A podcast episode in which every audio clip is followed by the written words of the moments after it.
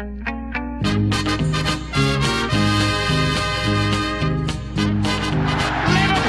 are champions of Europe again. Liverpool are prize winners again. Liverpool is in the record books.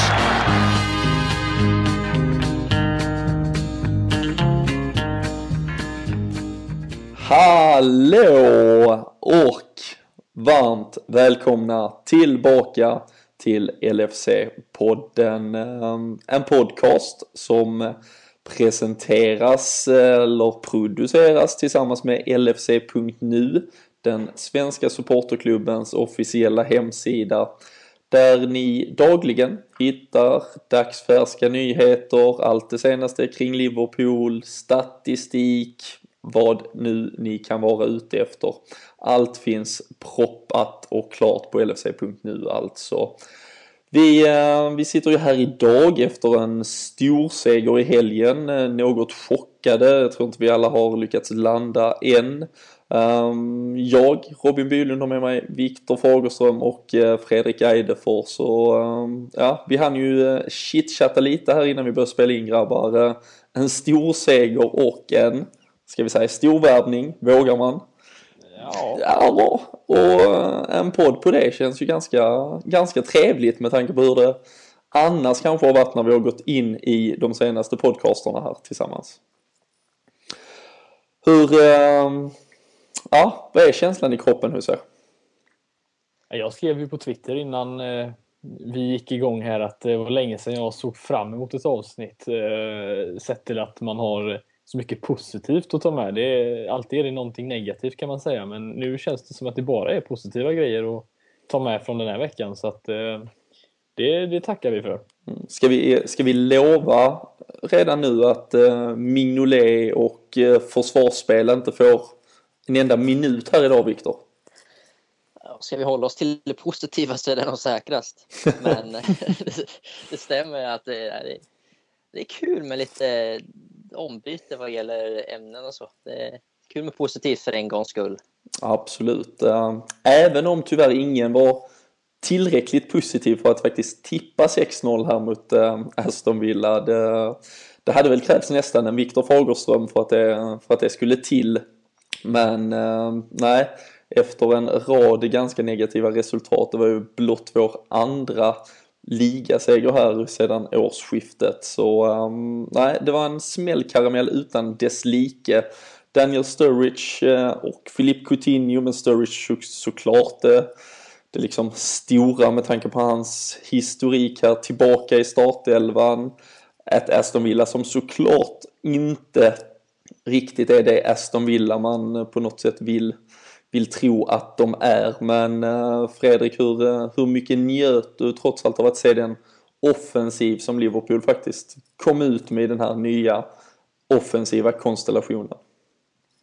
Det var ju ingen sån där eh, all out attack-match liksom från våran del. Framförallt inte i första halvlek. Så att det var ju först efter, efter målet där var det kvart som det tog ungefär som, det, som vi skapade lägen där och Coutinho låg ju bakom alltihop och det den passningen han drog till Milner där eh, kommer ni säkert ihåg också. Eh, innan Milner miss, missade en passning till Sarko där, det är ju en helt fantastisk passning. Så att han eh, var en eh, underbart att se honom igen eh, och visar ju hur, hur viktig han är för vårt anfallsspel. Det är liksom, plötsligt skapar vi mass, massvis med lägen igen och det, det, det skadar ju inte att ha i laget. Nej. Hur tror ni? Nu blev det både Coutinho och, eh, och Sturridge klev in här. Eh, Adam Lallana lite småskadad har ju annars varit bofast i den där offensiven. Tror ni det var planerat att uh, båda två skulle kliva in här redan? Man har ju spekulerat lite kring om man skulle spara dem till en ligacupfinal och sådär. Men eller tror ni att är de helt återställda och redo nu faktiskt och att det var dags att sätta igång dem i spel? Alltså, man vill väl ha in dem så fort det bara går egentligen. Och eh, nu hade vi ju lyxen att kunna byta ut hela anfallstrion där med Sturridge, eh, Coutinho och Firmino liksom innan liksom, minut 62, 74 och eh, 66 tror jag det var som de tre gick ut. Så att liksom, ingen av dem fick ju en full match och alla borde ju ha kraft till ja, nästa viktiga match då mot Augsburg på torsdag. Men, men visst vill man ha in dem i spel och du nämnde Alana där, men jag tror ändå att det är den här trion som Klopp vill ha i spel och som man vill starta och som ska, som ska vara alla de liksom tänkta första valen. Eh, Lalana tror jag inte har gjort nog för att eh, kunna slå ut någon av dem. Men det är väl så här vi vill att det ska vara med de här spelarna. Framförallt Coutinho och eh, Starry som jag har sagt i alla fall. att liksom, Få in dem lite så här sparsamt, eh, låta dem spela ungefär en timme, eh, 70 minuter och sen låta dem vila. Det är ju det bästa sättet att få in dem och faktiskt ha med dem från början också. Så att det är, ja, det är inte ofta vi hamnar i situationer där vi kan byta ut dem kanske eh, utan att eh, ja, veta att vi ska vinna matchen helt enkelt. Men eh, så, att det, så här hoppas jag att vi kan fortsätta nu och inte bara låta dem spela 90, 90, 90 hela tiden utan eh, få in dem eh, långsamt in i laget. Mm. Och liksom, även Leicester som eh, förra sådär, alltså, fast de inte har så mycket kuppspel eller så, kanske, de hade väl typ bara tio dagar utan match innan de mötte oss tyckte jag. Någonstans. Liksom, det har ju varit, de har ju typ en match i veckan och de har ju, som när de spelar på Anfield, liksom, de bytte ut både Wardy och Mares liksom, 60-70 minuter. Liksom, de vilar sina bästa spelare ändå för att liksom, de ska vara i så, liksom, så bra skick som det bara går och kunna göra, få ut så mycket av dem som det bara går. Men, men det var lite kul att eh, det var ju mycket innan laguttagningen kom nu senast. För, liksom, ska vi få se äntligen Sturridge, Firmino och Coutinho starta tillsammans så för, för, förväntningarna var väl skyhöga egentligen, men det, de levererade tillsammans fyra poäng med mål från Sturridge, eh, assist från Firmino och två assist från Coutinho. Och liksom det, även om det var lite hackigt i första halvlek kanske till och från, men liksom, de visade ju många gånger under hela matchen att det, det är riktigt hög kvalitet på dem och bra spelare trivs med andra bra spelare. Mm. Nej, sannoliken och eh, Daniel Sturridge har ju nu eh, två starter under Jörgen Klopp. 6-1 borta mot Southampton, 6-0 borta mot Aston Villa när han har fått chansen att inleda anfallskonstellationen. Så, så nej, såklart är han en extremt viktig pusselbit i ett, i ett Liverpool som, som har verkligen haft problem med målskyttet. Det, det är inget vi behöver eh, grotta ner oss mer i än så. Men eh, utan att vi då svävar iväg för mycket, vilket vi kan göra till viss del här efter. Men vågskålen Fredrik med ett uselt Aston Villa kontra att vi var så himla fantastiska. Kan, man, kan du hitta någon balans i den? Vad, vad var det mest trots allt vi såg innan vi skenar för mycket i, i glädjen? Ja, men det är väl mest att eh, jag, jag sett till hur Liverpool har presterat eh, under de senaste säsongerna eh, så är ju inte alltid så att, att vi vinner en sån här match med 6-0 utan det kanske är 2-0 men vi fick plötsligt en, en plusmålskillnad nu vilket vi inte haft på, på, ett, på ett väldigt bra tag. Så att man ska inte ta för mycket på det att, att vilja vara för dåliga för att vi, vi tog chansen också. Det är inte många lag som har vunnit så mycket där, om ens något, den här säsongen. Så att City spelade lite mer lika där eh, och även Leicester om jag inte minns fel. Men eh, de var ju jättedåliga som Carragher säger efterhand. Nu är nästan ett av de sämre han har sett Premier Leagues historia någonsin alltså. Eh, för de var inte med någonstans. Men vi gjorde dem dåliga genom att mm. döda dem på våra chanser. Så att, eh, bra från vår del att vi faktiskt tog vara på chansen skulle jag säga. Så att, eh, jag tycker inte vi har någonting att skämmas för. Nej, det känns som det blev lite en, en kombination. Alltså det är ju lätt den, den bittre, och det kan ju jag ibland påstås vara, kan ju, kan ju lätt liksom påstå att det här är liksom en, alltså ett Aston Villa som är en slagpåse längst ner i det absoluta botten, alltså som inte har något att göra i Premier League nästan så som de spelar fotboll just nu. Men precis som du säger, så ett, ett vanligt Liverpool, det vi har varit vana vid, hade kanske ändå max vunnit där med 1-0, 2-0. Det var ju också en dag då saker och ting stämde för oss, där vi verkligen fick det till att fungera. Vi fick en rörelse, vi hade en Coutinho som var sådär Coutinho bra som han kan vara. Och såklart liksom med den entusiasm som, som det kommer i och med att Sturridge spelar, att Origi kommer in och får chansen, att de får göra mål direkt också. Um, ja, självklart var det ett, ett väldigt, väldigt positivt Liverpool hur dåligt nu Aston Villa än, än tyvärr är för deras del. Absolut, det är bara att hålla med. Härligt! Behöver vi inte ens uh, blanda in dig i diskussionen Viktor. Men um, det här med Sturridge nu då, som sagt. Andra matchen från start eh, under Jörgen Klopp, eh, vilket tyvärr i sig är extremt synd. Han har trots allt varit här i lite drygt fem månader nu. Eh, det visar på de där problemen som ändå har varit det som har fyllt varenda spaltmeter under säsongen. Att, han, att skadorna bara avlöser varandra. Vi sitter väl alla på något sätt och är lite rädda att när ska det ske härnäst? Um, och vi har ju suttit här och pratat om att ja, det kanske är läge att sälja honom. Kan vi få pengar så, så är det kanske bättre. Um, hur frustrerande är det att han faktiskt är så effektiv när han ändå spelar? Det gör ju bara, det gör ju den där typ hatkärleken bara större och värre på något sätt. Ja, så nu med det målet han gjorde nu senast så eh, gick han ju upp, i, jag vet inte om han hade det innan också, men nu har han ju bäst eh, mål per minut ratio i Liverpools Premier League-historia. Liksom han är före ah, Suarez, Torres, Owen. Han är liksom först och det visar hur jäkla effektiv han är när han väl spelar. Men, men Många matcher har han spelat nu då? blivit? Uh, vad kan det vara? Det är någonting på 70 han har typ, tror jag. Han har typ 54 mål på 74 matcher tror jag. Men så spelar han ju inte hela matchen. Så mm, per match så Nej. har han ju tredje bäst. Eh, då är Torres och Suarez framför. Men som du säger, per minut så är han ju bäst för att ja, någon gång har han bara kommit in, spelat en kvart eller att man har fått byta ut honom efter 45 och då redan gjort två liksom. Även så. så att han, han är ju en fantastisk fotbollsspelare och det vi har sagt hela tiden är att liksom, det är ingen nytta att han gör mål när han väl spelar. Det, det är ju därför man inte vill sälja vidare honom. Men, men samtidigt kan jag inte förstå de här som jag sett många så på Twitter som gör sig till åtlöje över folk som tänker att folk verkligen vill sälja större. Vilka idioter. Men det är väl ingen som har tvivlat på att han gör mål när han väl spelar. Grejen är ju att han inte spelar så ofta. Mm. Och, och det, och balansen där är väl helt enkelt att han är ett extremt, alltså fantastiskt komplement att ha i en trupp men att han kanske tyvärr inte kan vara strikern som man bygger hela sin anfallsuppsättning kring. Eller att man åtminstone hittar en lösning likt den vi trots allt har sett de senaste månaderna med en Firmino som, som levererar i Sturridge frånvaro. Sen har vi ju andra saker att bygga vidare på i vår offensiv. Det ska vi ju inte sticka under stolen med men men att han inte blir den här som måste göra mål hela tiden. Utan att det finns alternativ som är minst lika bra eller att det till och med kanske finns ett alternativ som är bättre. Och att han bara ger en extrem boost i dem. För i ärlighetens namn max 20 matcher när han kommer att spela per säsong. Allt historiskt visar att det är så hans karriär fungerar.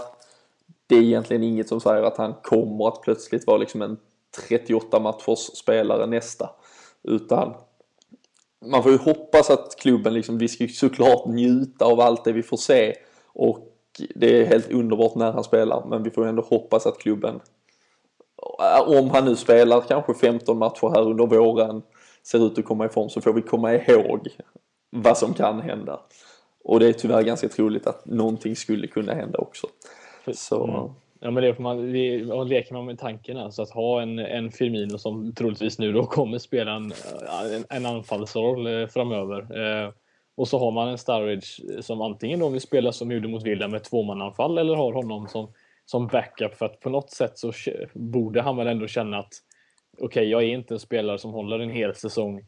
Jag får nog acceptera att jag inte kommer vara det, men jag kommer få spela så fort jag är frisk i alla fall. Och ha den eh, har de två där plus då de som kommer bakom där med Origi och Ings framförallt och vad som än händer med Benteke. Men det, det kan ju bli jättebra i framtiden om, om man kan spela in honom och låta honom vara frisk och, och ha ett ja, komplement med Firmino när han inte eh, är det helt enkelt. Så att, eh, nej, det, det kan nog bli ljust i framtiden om, om man kan hålla sig frisk i alla fall. Ja, nej, lite, li, lite mer matchande behöver vi gärna se för att han ska fylla den kvot som trots allt förväntas av honom rent målmässigt och, och prestationsmässigt. Eh, vi nämnde Filip Coutinho också, Viktor, ehm, en spelare som också har fått lite kritik här under, inte bara från oss men från de flesta tror jag under säsongen. Han var tillbaka lite i det här eh, upp och ner Coutinho, försvinner ur matcher, kommer tillbaka och plötsligt är han fantastisk. I söndags var sannoliken en sådan dag kändes det som där där genomskärarna, blicken, allting var verkligen på absolut högsta nivå. ja, han var ju verkligen tillbaka i sitt esse där i de 66 minuter han spelade och han ju med två assist där, men var ju även eh, förmodligen bäste man på plan utöver det. Alltså, han är ju så pass viktig för laget i allt han gör. Han tar ju tag i hela offensiven och liksom, även om det kan, det brukar ofta skada större lag, eller vad man ska kalla de riktiga topplagen om enskilda spelare går in och liksom tar och ska styra och ställa allting. Men, men för oss så är han ju så pass viktig och alltså, det, vi har så få spelare som honom som kan göra det han gör. Att, liksom, kan ta bollar igenom mittfältslinjer och slå de här genomskärarna som ingen annan i laget kan. Och det är blicken, lugnet och tekniken han har som liksom kan hålla i bollen i pressade situationer och till exempel så som Suarez alltid kunde. Liksom, det spelar ingen roll att folk var på honom, men han, han kunde hålla i och vänta in laget och sen slå den rätta passen och, och vänta på backup och sådär. Det, ja, det, det, går inte att ersätta honom i dagens Liverpool. Och han visar liksom, även en halvfitt Coutinho kan ju visa att det, det är så oerhört viktigt att ha en sån spelare i truppen. Ja, nej, sannoliken. Det, frustrerande ibland när det känns som det låser sig för honom men eh, exakt lika fantastiskt att se honom när han är på det humöret som han var i, eh, i söndags här. Och i den här målexplosionen, eh, till och med Kolo Touré fick göra mål eh, såklart. Då jublar man. Vär, oj, oj, oj. Jag tycker det är kul att Liverpools hemsida, den videosidan, att de har gjort alla målen är ju sån här premiummaterial förutom Kolo Tourés mål som är gratis att kolla på. Jag tycker det är så helt fantastiskt. Ja, det är bra mediehantering. Ja, han, han sa ju till och med, det var väl i och för sig han, han öppnar väl dörren för att hans Liverpool-karriär också är slut här kanske efter, eh, eller till sommaren. Han sa liksom att det ändå betydde något för honom att få göra ett Liverpool-mål, att verkligen ja, även rista in sig i den historieboken. Så det ja, coolt att se. Han var nära senast att göra mål. Han har ju varit det några gånger. Mm. Jag tänker framförallt på den gången på Anfield mot Arsenal, där 5-1 matchen när Suarez drar mm. skottet stolpen och han drar ja. upp ett mål där och missar och springer och flinar tillbaka till sida. Den studsar ju på honom typ. Men, uh, ja, jag får se det som en miss. Ja, nej men det... Um, det. Var det bara jag som tänkte tillbaka på Flanagans mål mot Tottenham? Liksom att, liksom, nu måste tråget... menar du? Ja, liksom att det var just en sån eh, liksom en sån spelare som man inte ens hade en tanke på skulle ge mål som satt liksom, det var så svårt att förstå. Fasen, Flanagan går upp och trycker upp den i krysset. Vad är det som händer?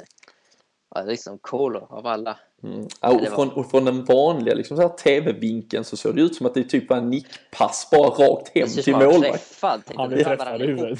ja, och liksom den går, ja, nej, fantastiskt. Men jag håller med, firandet framförallt som du nämnde Fred, påminner lite om Flanagan när han bara lägger sig ner och spelarna kommer och sliter ja. i shortsen på honom i stort sett. Ja, det är ingen både, som ska ta vägen. Nej, både Kevin Stewart och Klein var väl först framme där. De var ju, ja, det visar väl vilken eh, ja, kultspelare, jag ska inte använda ordet legend kanske, men eh, kultlirare är han eh, sannoliken den gode Kollo Kollo i alla fall. Så um, vi får se om det blir några nya Dubai-resor för laget så de hinner avsluta med en Kollo-sång igen kanske. Ja, tjusigt värre. Men, äh, men såklart äh, fantastiskt för, för laget. Ehm, um, Jörgen Klopp var ju väldigt återhållsam efteråt, ville visa respekt för ett Aston Villa också som man tyckte förtjänar mer än vad, vad de lider av just nu. Men um, hur mycket tror ni ändå innerst inne det be, betydde för honom just att också nu blev det en ligaseger på det här sättet. Det är Premier League-poängen som,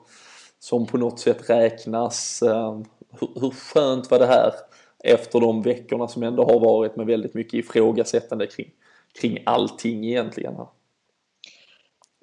det måste ju såklart vara väldigt nice att kunna dra hem en 6-0 på bortaplan oavsett form hos motståndarna. Liksom det, det är inget snack om saker, men å andra sidan så är det bara, bara, bara fyra, fem dagar, ja, fyra dagar till nästa match och liksom ett sämre resultat där och så är man ju tillbaka på ruta ett igen. Så att de här framgångarna liksom motgångarna varar ju inte så länge. Liksom det skiftas ju med media tar ju upp och skriver om allting ett par dagar och sen är det ju ny, ny kula igen. Så det är, det är kortvarig lycka, men det måste ju varit väldigt gött att gå och lägga sig den kvällen, det kan jag tänka mig. Mm. Och faktiskt ingen Premier League-match på, ja, från och med nu typ två och en halv eh, vecka här. Det är ju eh, Europa League på torsdag, sen spelar vi ju inte FA-cupen till helgen, sen är det Europa League där igen på torsdagen.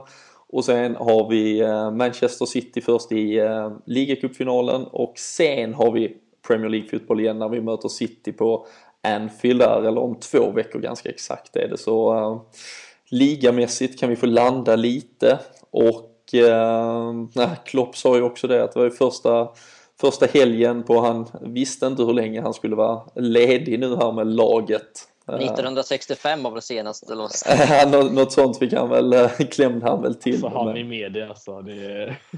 Ja, nej, det var... Det skrattet alltså. Jag ska, jag ska nog lägga det som en ringtone på min telefon alltså. Det har varit... Eh, ja, man måste ju älska honom alltså.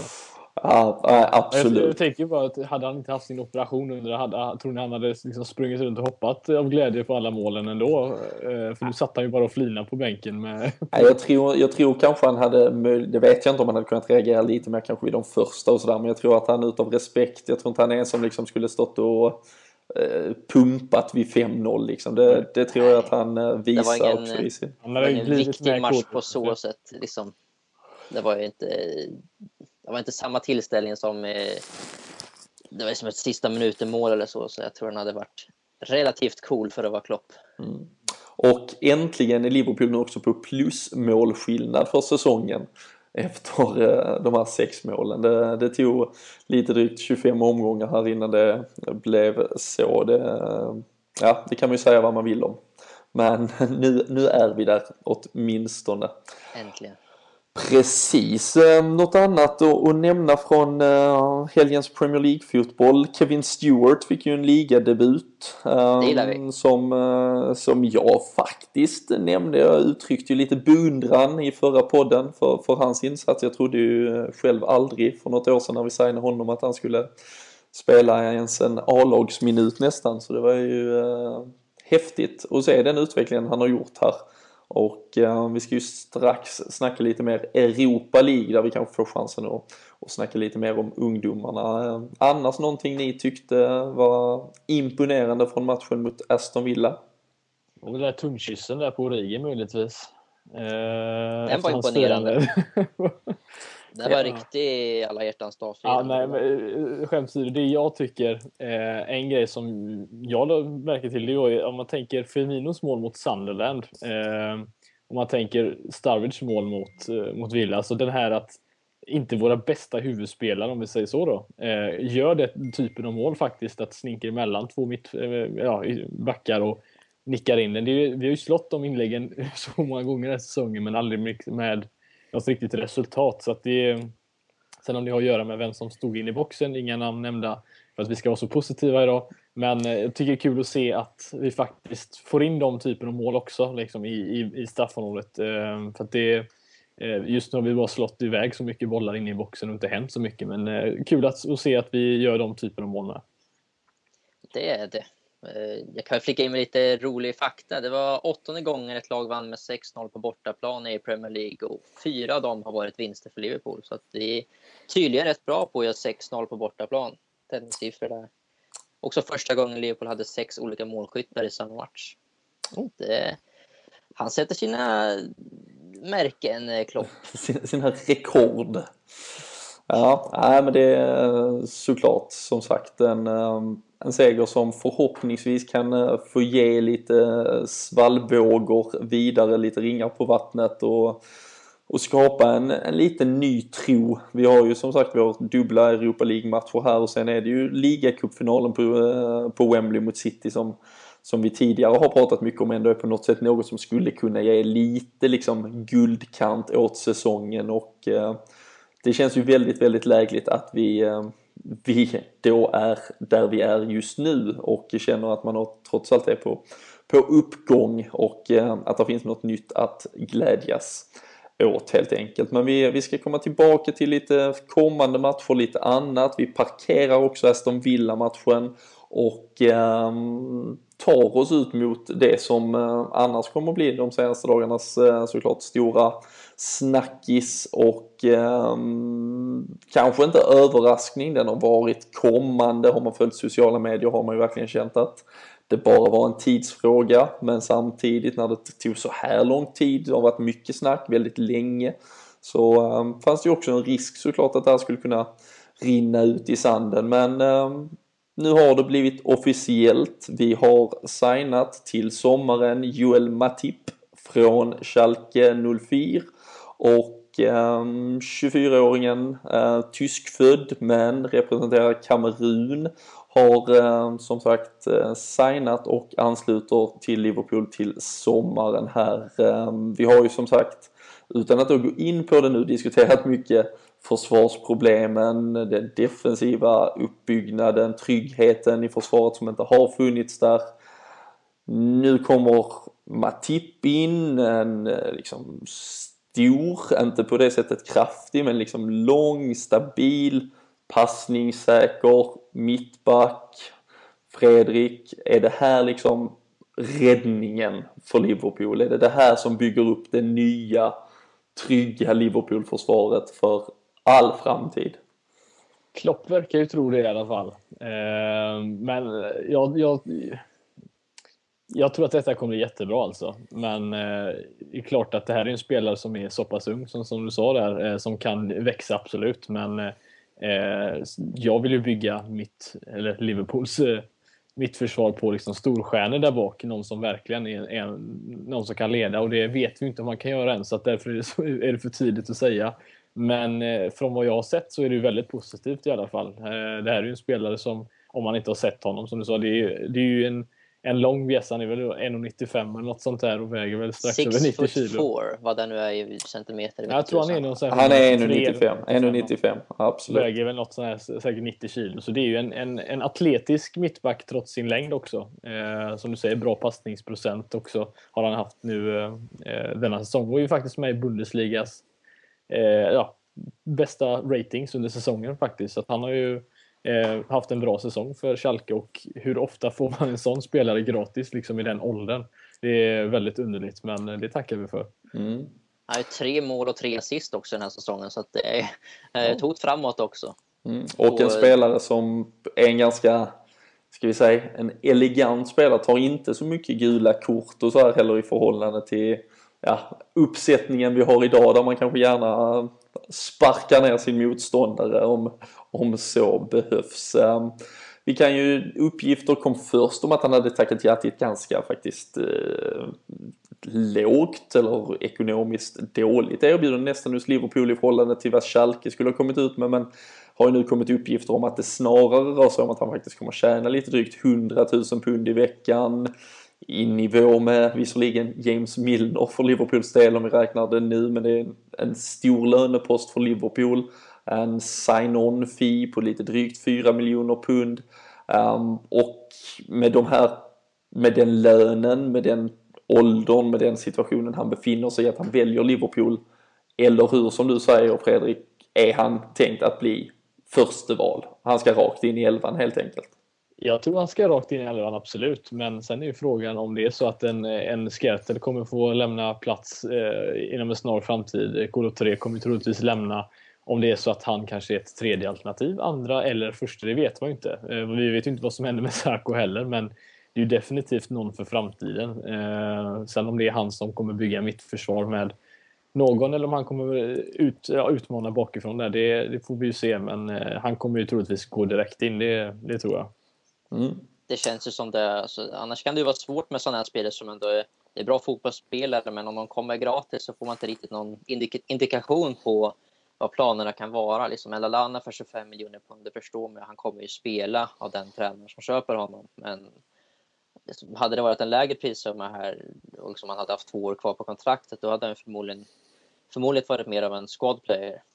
Liksom, om han går för så pass lite. Men med den lönen som man nu får och liksom det har ändå varit snack om honom länge så tror jag att det, det var nog en, ja, en prioritetsvärvning för Klopp. Och liksom, vi har ju inte alls bra konkurrens på högerplatsen där i mittförsvaret. Så det, han har inte som sagt inte mycket competition där så det, han lär ju gå in och, och spika en plats. Frågan är väl vem som eh, kompanjerar honom egentligen. Det, I nuläget så har vi haft, liksom, de, de varierar ju med skador, Lovren och, och Sarko. Så eh, det återstår väl att se. Mm. Helst av allt kan man ju hoppas på att vi värvar ytterligare en mittback men uh, sån tur kanske vi inte kommer att ha. Vi får... Uh, vi inte får... detta fönstret kanske, men senare framöver. Han, jag tror han kommer bygga någon form av stomme kanske. Det, och då är det här väl en pusselbit som kommer göras. Så kanske det händer något om ett år. Det får vi ju se sen. Vi, uh, vi får ju göra det. Uh, sen känns det på något sätt också bra att vi får in en en kameruanes sedan vi hade, Rigo, sedan, sedan vi hade Rigobert Song i mittförsvaret. Det känns som att Matip har mycket att leva upp till där för att fylla, fylla Songs tröja. Men uh, ja, nej, det, det kommer... Uh, det känns väldigt bra återigen. Man ska inte uttala sig som någon uh, totalexpert här. Man har ju följt Schalke till viss del i Europaspel, till viss del i större matcher i Tyskland. men tar man och följer dem som faktiskt ser han vecka in vecka ut så, så är det ju liksom en, en, faktiskt en prestigevärvning. Vi har gjort en bra värvning av en ung lovande en mittback där vi kanske är i ett klimat just nu där just mittbackar är jäkligt svåra att få tag på. Vi, vi vet hur Barcelona letar mittbackar i fem år. Vi vet hur United har letat mittbackar i tre år. Och eh, det kan vara svårt att hitta dem och förhoppningsvis så har vi eh, hittat en ett väldigt bra alternativ här åtminstone och um, till dem med tanke på den åldern, det är en sak att hämta James Milner gratis, det är ju kanske där man skriver sitt sista kontrakt. Här har vi ju trots allt en spelare som kommer att vara aktuell för både Liverpool under väldigt lång tid men även kommer att dra sig till, alltså antagligen ett intresse från andra klubbar med tiden. Och eh, ser vi det affärsmässiga så är det ju såklart en en fantastiskt bra värvning att göra på alla sätt och vis och förhoppningsvis så kommer den även betala sig fotbollsmässigt helt enkelt. Så um, nej, vi ger väl uh, tumme upp till den första, ska vi säga, riktiga värvningen trots allt om Steven Cockers lån och uh, Grujic, uh, ja, den värvningen också. Om den Jag har nästan glömt av dem. ja, li lite så, lite i periferin uh, trots allt. Uh, vad säger ni? Tumme upp. Mm. Härligt. Har du något eh, Fredrik på Matip, eh, Schalke, vad du tror hur han skulle kunna passa in om du bara får ah, sådär försöka sätta in han i ett Liverpool?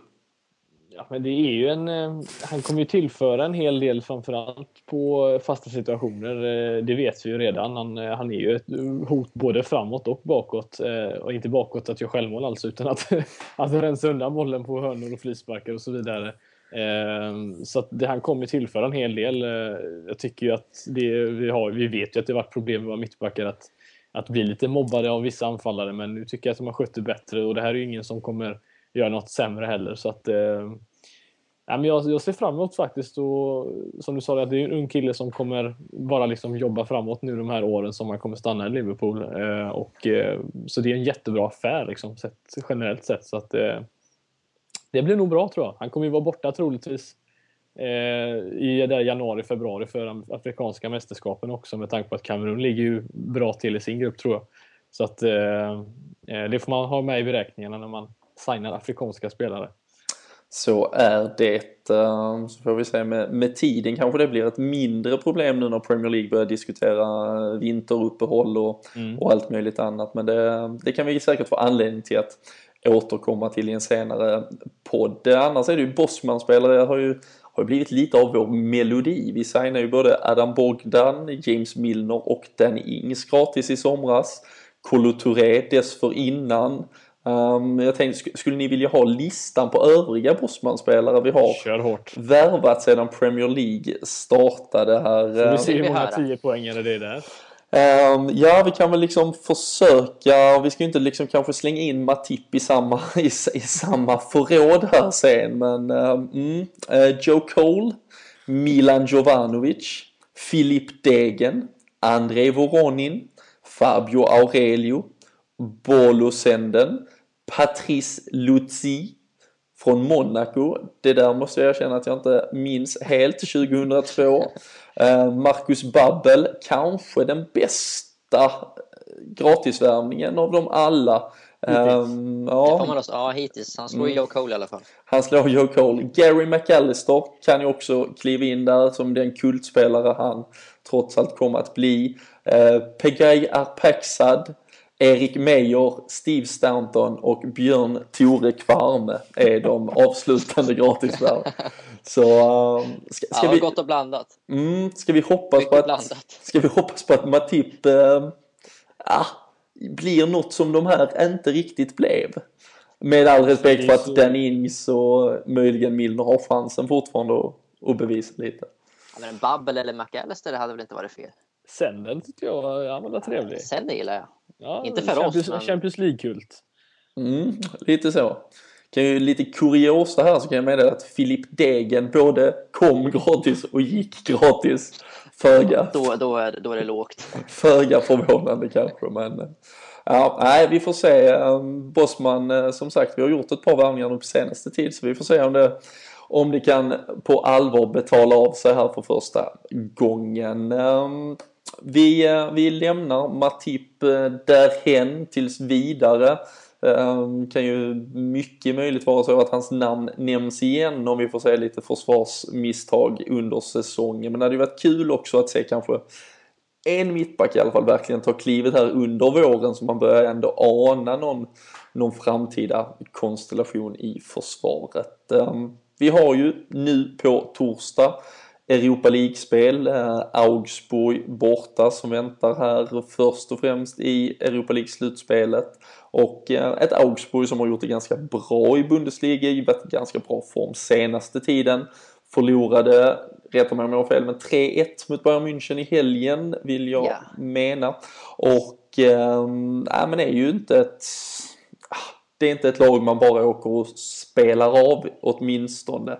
Och eh, Liverpool såklart utslagna ur FA-cupen nu. Vi är framme i final av ligacupen och och där är ju fortfarande den där lilla, ska vi säga, lilla guldkrukan i slutet av regnbågen, Champions League-biljetten om man skulle gå hela vägen i Europa League. Så eh, där finns ju alla anledning att ta kuppen seriöst i alla fall. Hur, eh, hur känner du? Det har varit ett långt Europa-uppehåll men eh, det sparkar igång igen på torsdag, Viktor. Eh, tror du att vi får se ett Liverpool som nu liksom har förberett sig inför den här våren och liksom nu ska vi slåss i Europa League, vi ska slåss i Premier League.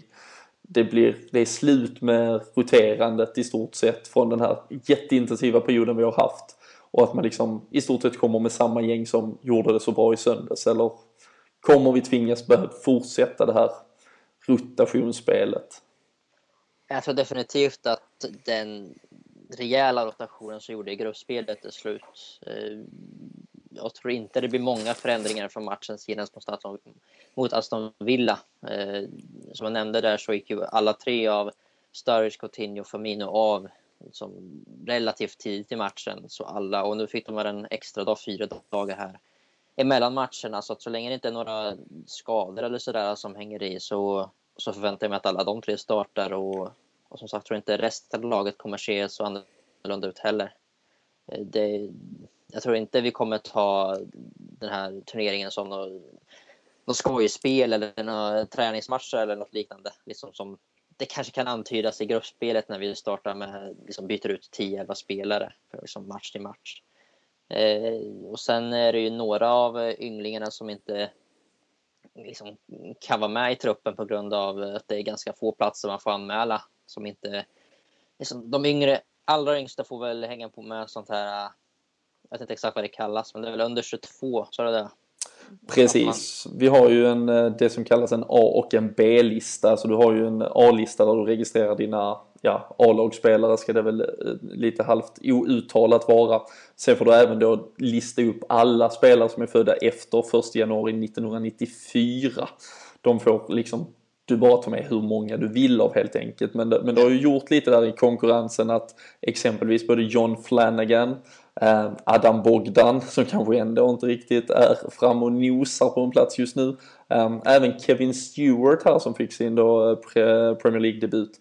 de är utanför den här truppen för de faller lite bort i konkurrens på ena listan och för gamla på andra listan. Så, vi så har ju... då försvinner det ju tre, ja, tre, två starka alternativ i alla fall i Flanagan och, och eh, Stewart kanske främst då, som mm. annars kanske skulle ha fått en plats om andra spelare varit trötta. Men eh, nej, jag tror inte det blir många förändringar. Nej. Fredrik, hur, eh, hur kul ska det bli att se eh, Europa League nu? Det får ju alltid liksom en stämpel på sig som att vara liksom ja, någon elefantkyrkogård men uh, Augsburg, liksom Bundesliga-fotboll, åka dit med ett ganska bra lag känns det som att man kan få upp lite ja, Europapuls uh, denna säsongen. Ja, jo men det, jag tycker ändå det blir lite roligare stämning när det är ja, sådana här seriösa turneringar också. Sen är det klart att det hade varit mer nervöst att åka till Augsburg förra året för då, det var då de kvalificerade sig in till Europa League. Nu ligger de en poäng från ut, nedflyttning så att det, eh, vi ska ju vinna den här matchen eh, egentligen. Men mm, det, det, det, är inte så lätt att åka till Tyskland bara och vinna, det skulle jag inte säga heller. Nej. Men, Men eh, eh måste säga att det är ett annat läge nu också med, med Klopp som tränare som ja. har bevisligen gjort det väldigt bra i kupper. Liksom det är den största i Champions League många, många gånger. Eh, alltså det han gjorde med Dortmund och de framgångar han hade i kuppspel är ju, alltså det är fantastiskt. Och nog främst i dem egentligen som liksom resten av Europa fick upp ögonen för honom och hans eh, skönspelande Dortmund. Eh, kan väl inte egentligen säga detsamma om Rodgers som var rätt fräsch i, positionerna i Europaspel och skulle spela i Champions League och Europa League och sådär. Eh, så att, att ha en tränare som liksom, bevisligen har gjort det väldigt bra och som har erfarenhet av de här kupperna eh, tror jag kommer vara väldigt viktigt också. Det är inte bara att ställa ut det bästa laget och, och ta det som en vanlig match, utan det gäller att spela på resultat. Det gäller att vara cynisk ibland och det var väl kanske inte, att vara cynisk var väl inte Rogers trademark direkt. Det var Nej. ofta ganska full fläkt och titta inte bakåt. Ja, nej, det var ju en punkt som jag vet vi diskuterar väldigt mycket, något som jag jag själv uttryckte vid flera tillfällen att det, att det var lite frustrerande att Rogers, det kändes som att han saknade den där liksom edgen att väga av i vilka lägen det var värt att spela för en poäng, att gå verkligen för en vinst, att fylla på med mål, att backa hem. Att den känslan kanske inte var där och det ska bli jäkligt kul att se om om Klopp då förhoppningsvis och framförallt med det rykte och med den historik han har i bagaget kan, kan leva upp till det och liksom även lära ut det till, till många av våra spelare. Det är en del spelare som inte har riktigt den här erfarenheten heller. Om vi tar en Coutinho, vi har en Firmino som inte riktigt har varit ute och spelat Europaspel på det sättet. Ehm, där är flera även av våra bättre spelare, en Emre Can på ett mittfält som, som kommer behöva lära sig det här. Vi hoppas såklart alla att Liverpool ska vara ett Champions League-lag, att vi ska befästa oss där och att men det är ju samtidigt med vissa av de här namnen som vi då nämner som vi ändå ska kanske behålla som en stomme i det Liverpool vi bygger och de behöver verkligen den träningen, den lärdomen som ett, ett ganska framgångsrikt Europaäventyr hade kunnat ge dem. Så, så, så både med liksom såklart det, det, drömmen om kanske slutstationen här i, i Europa League men att vi ändå kanske bara får tre rundor åtminstone eller vad som helst där vi liksom får får ställas mot och förhoppningsvis kanske några bättre lag med tiden och sådär och se, se vad vi kan göra och vilka taktiska detaljer vi kan jobba på som, som lag. Um, känns som att um, det skulle kunna betyda mycket både, både just nu men också för, för framtiden. Och um, ja, det var kanske inte när jag sa innan att det var ett Augsburg som hade gått bra så är det kanske inte då hela säsongen åtminstone men, men som har sett ganska lite bättre ut åtminstone den senaste tiden här. Men... Sen får jag bara säga att för, för Liverpools del, det är ju ett helt nytt Liverpool som man får se det alltså sen, sen senast vi eh, om vi tar Benitez, sen Benitez lämnade så har vi aldrig riktigt känt, eller jag har inte känt att Liverpool haft liksom kunnat kontrollera matcher och liksom spela av och ha den, den kunskapen. Och det, så det blir nytt för Klopp med, för kollar man de matcherna han har spelat i Europa så har det ju varit verkligen berg och dalbana, alltså snarare än att vinna med 3-2, att tappa in två i slutet och göra de tre i slutet istället för att ha legat under med 2-0. Så det är ingen, ingen tränare som kanske är van att döda matcher på det sättet eh, som Benitez var. Så det här blir en helt ny grej för, för oss också. Eh, för Liverpool-spelarna och för Klopp med. Men att eh, jag tror att han kommer gå för seger den här matchen för att eh, vi är så pass bra flow nu. Så att, eh, jag tror att eh, det kan bli intressant att se. Mm. Och det känns ju också som att det hade varit väldigt, väldigt skönt att gå och då såklart få med sig en seger från bortamötet för att kanske kunna spela en mer avslappnad hemmaretur inför då bara tre dagar tidigare eller senare att vi har eh, Manchester City på Wembley. Och eh, att då kunna liksom skruva över fokus där lite istället för att vi kanske får en nagelbitande straffläggning på Anfield fram till torsdag midnatt i stort sett. Ehm, och väldigt mycket trötta ben inför den här finalen. Så det känns ju verkligen som att det blir ett Liverpool som åker till Augsburg på torsdag och verkligen försöker göra bäst möjligt av den situationen och faktiskt både göra ett och två mål om tillfälle ges. Och eh, ja, gärna fler, men det får vi, det får vi ju se. Vad tror, eh, vad tror du Viktor om, eh, om utgången och chanserna för Liverpools del på torsdag? Jag säger 2-1 vinst. Mm, det känns väl ganska betryggande att ha med sig sen i så fall. Ja, det är som sagt viktigt att göra mål på bortaplan. Och, men det är ändå svårt att säga att vi ska vi hålla nollan verkligen. Borta, Europaspel, Tyskland. Det är liksom ett lag som inte spelarna i laget är så vana vid, även om Klopp säkerligen vet en hel del om dem. Eh, så något slänker det väl in i bakändan där, men eh, det var ett fysiskt lag Augsburg. De är eh, väldigt aggressiva sett till statistik som man läser fram att det är mycket röda och gula kort och de vinner en hel del liktdueller så att det är kanske inte våran, våran största styrka liksom eh, så sett. Nej, det, blir, men, det blir säkert en tuff match men jag tror att absolut. jag tror på att alltså, vår starka fronttrio kommer att starta och jag tror ändå att de är så pass bra och kommer kunna skapa rejält med oreda för Augsburg. Så 2-1. Låter bra. Fredrik, har du något, uh, något annat tips innanför rockärmen om, uh, om man inte vill lägga alla sina pengar på Robin Fredrikssons 0-0 uh, sy system? Ja, precis. Nej, men jag säger nog faktiskt uh, 2-0. Mm. Låter väl lagom. Och uh, mm då sa jag 1-0. Uh, vi får väl ha lite, li, li, lite mer eh, ro och balans efter den här urladdningen. Men, uh, men tre segrar till Liverpool alltså? Det var väl senast 1967 som vi tre tippade seger till sånt. ungefär. Men uh, nej, det, det förtjänar både laget, uh, spelarna, ledarna efter, uh, efter den fina uppvisningen i söndags. Vi får hoppas att det som sagt var lika mycket Liverpool som, som ett dåligt Aston Villa och att um, takterna sitter i att vi får se ett bra lag, en stark elva, ett engagerat aggressivt lag som, som sen vet att de ska få vila en hel vecka bara det är ju smått fantastiskt. Um, vi, eh, vi avrundar där faktiskt. Eh, lite kortare än vanligt eh, men det är ju trots allt Champions League-tisdag och vi ska ju se Zlatan Ibrahimovic här kan jag tänka mig om en liten stund. Det hade jag tänkt göra i alla fall. Så ehm, vi ehm, tackar för att ni har lyssnat. Vi eh, återkommer igen om en dryg vecka. Då hoppas vi att vi har eh, vunnit första mötet mot Augsburg och så tar vi en titt hur läget ser ut inför returmötet på Anfield och såklart ska vi snacka upp ligacupfinalen mot Manchester City då också. Men eh, tills dess, tack för idag Viktor, Fredrik och eh, tack till alla som har lyssnat så hörs vi snart igen.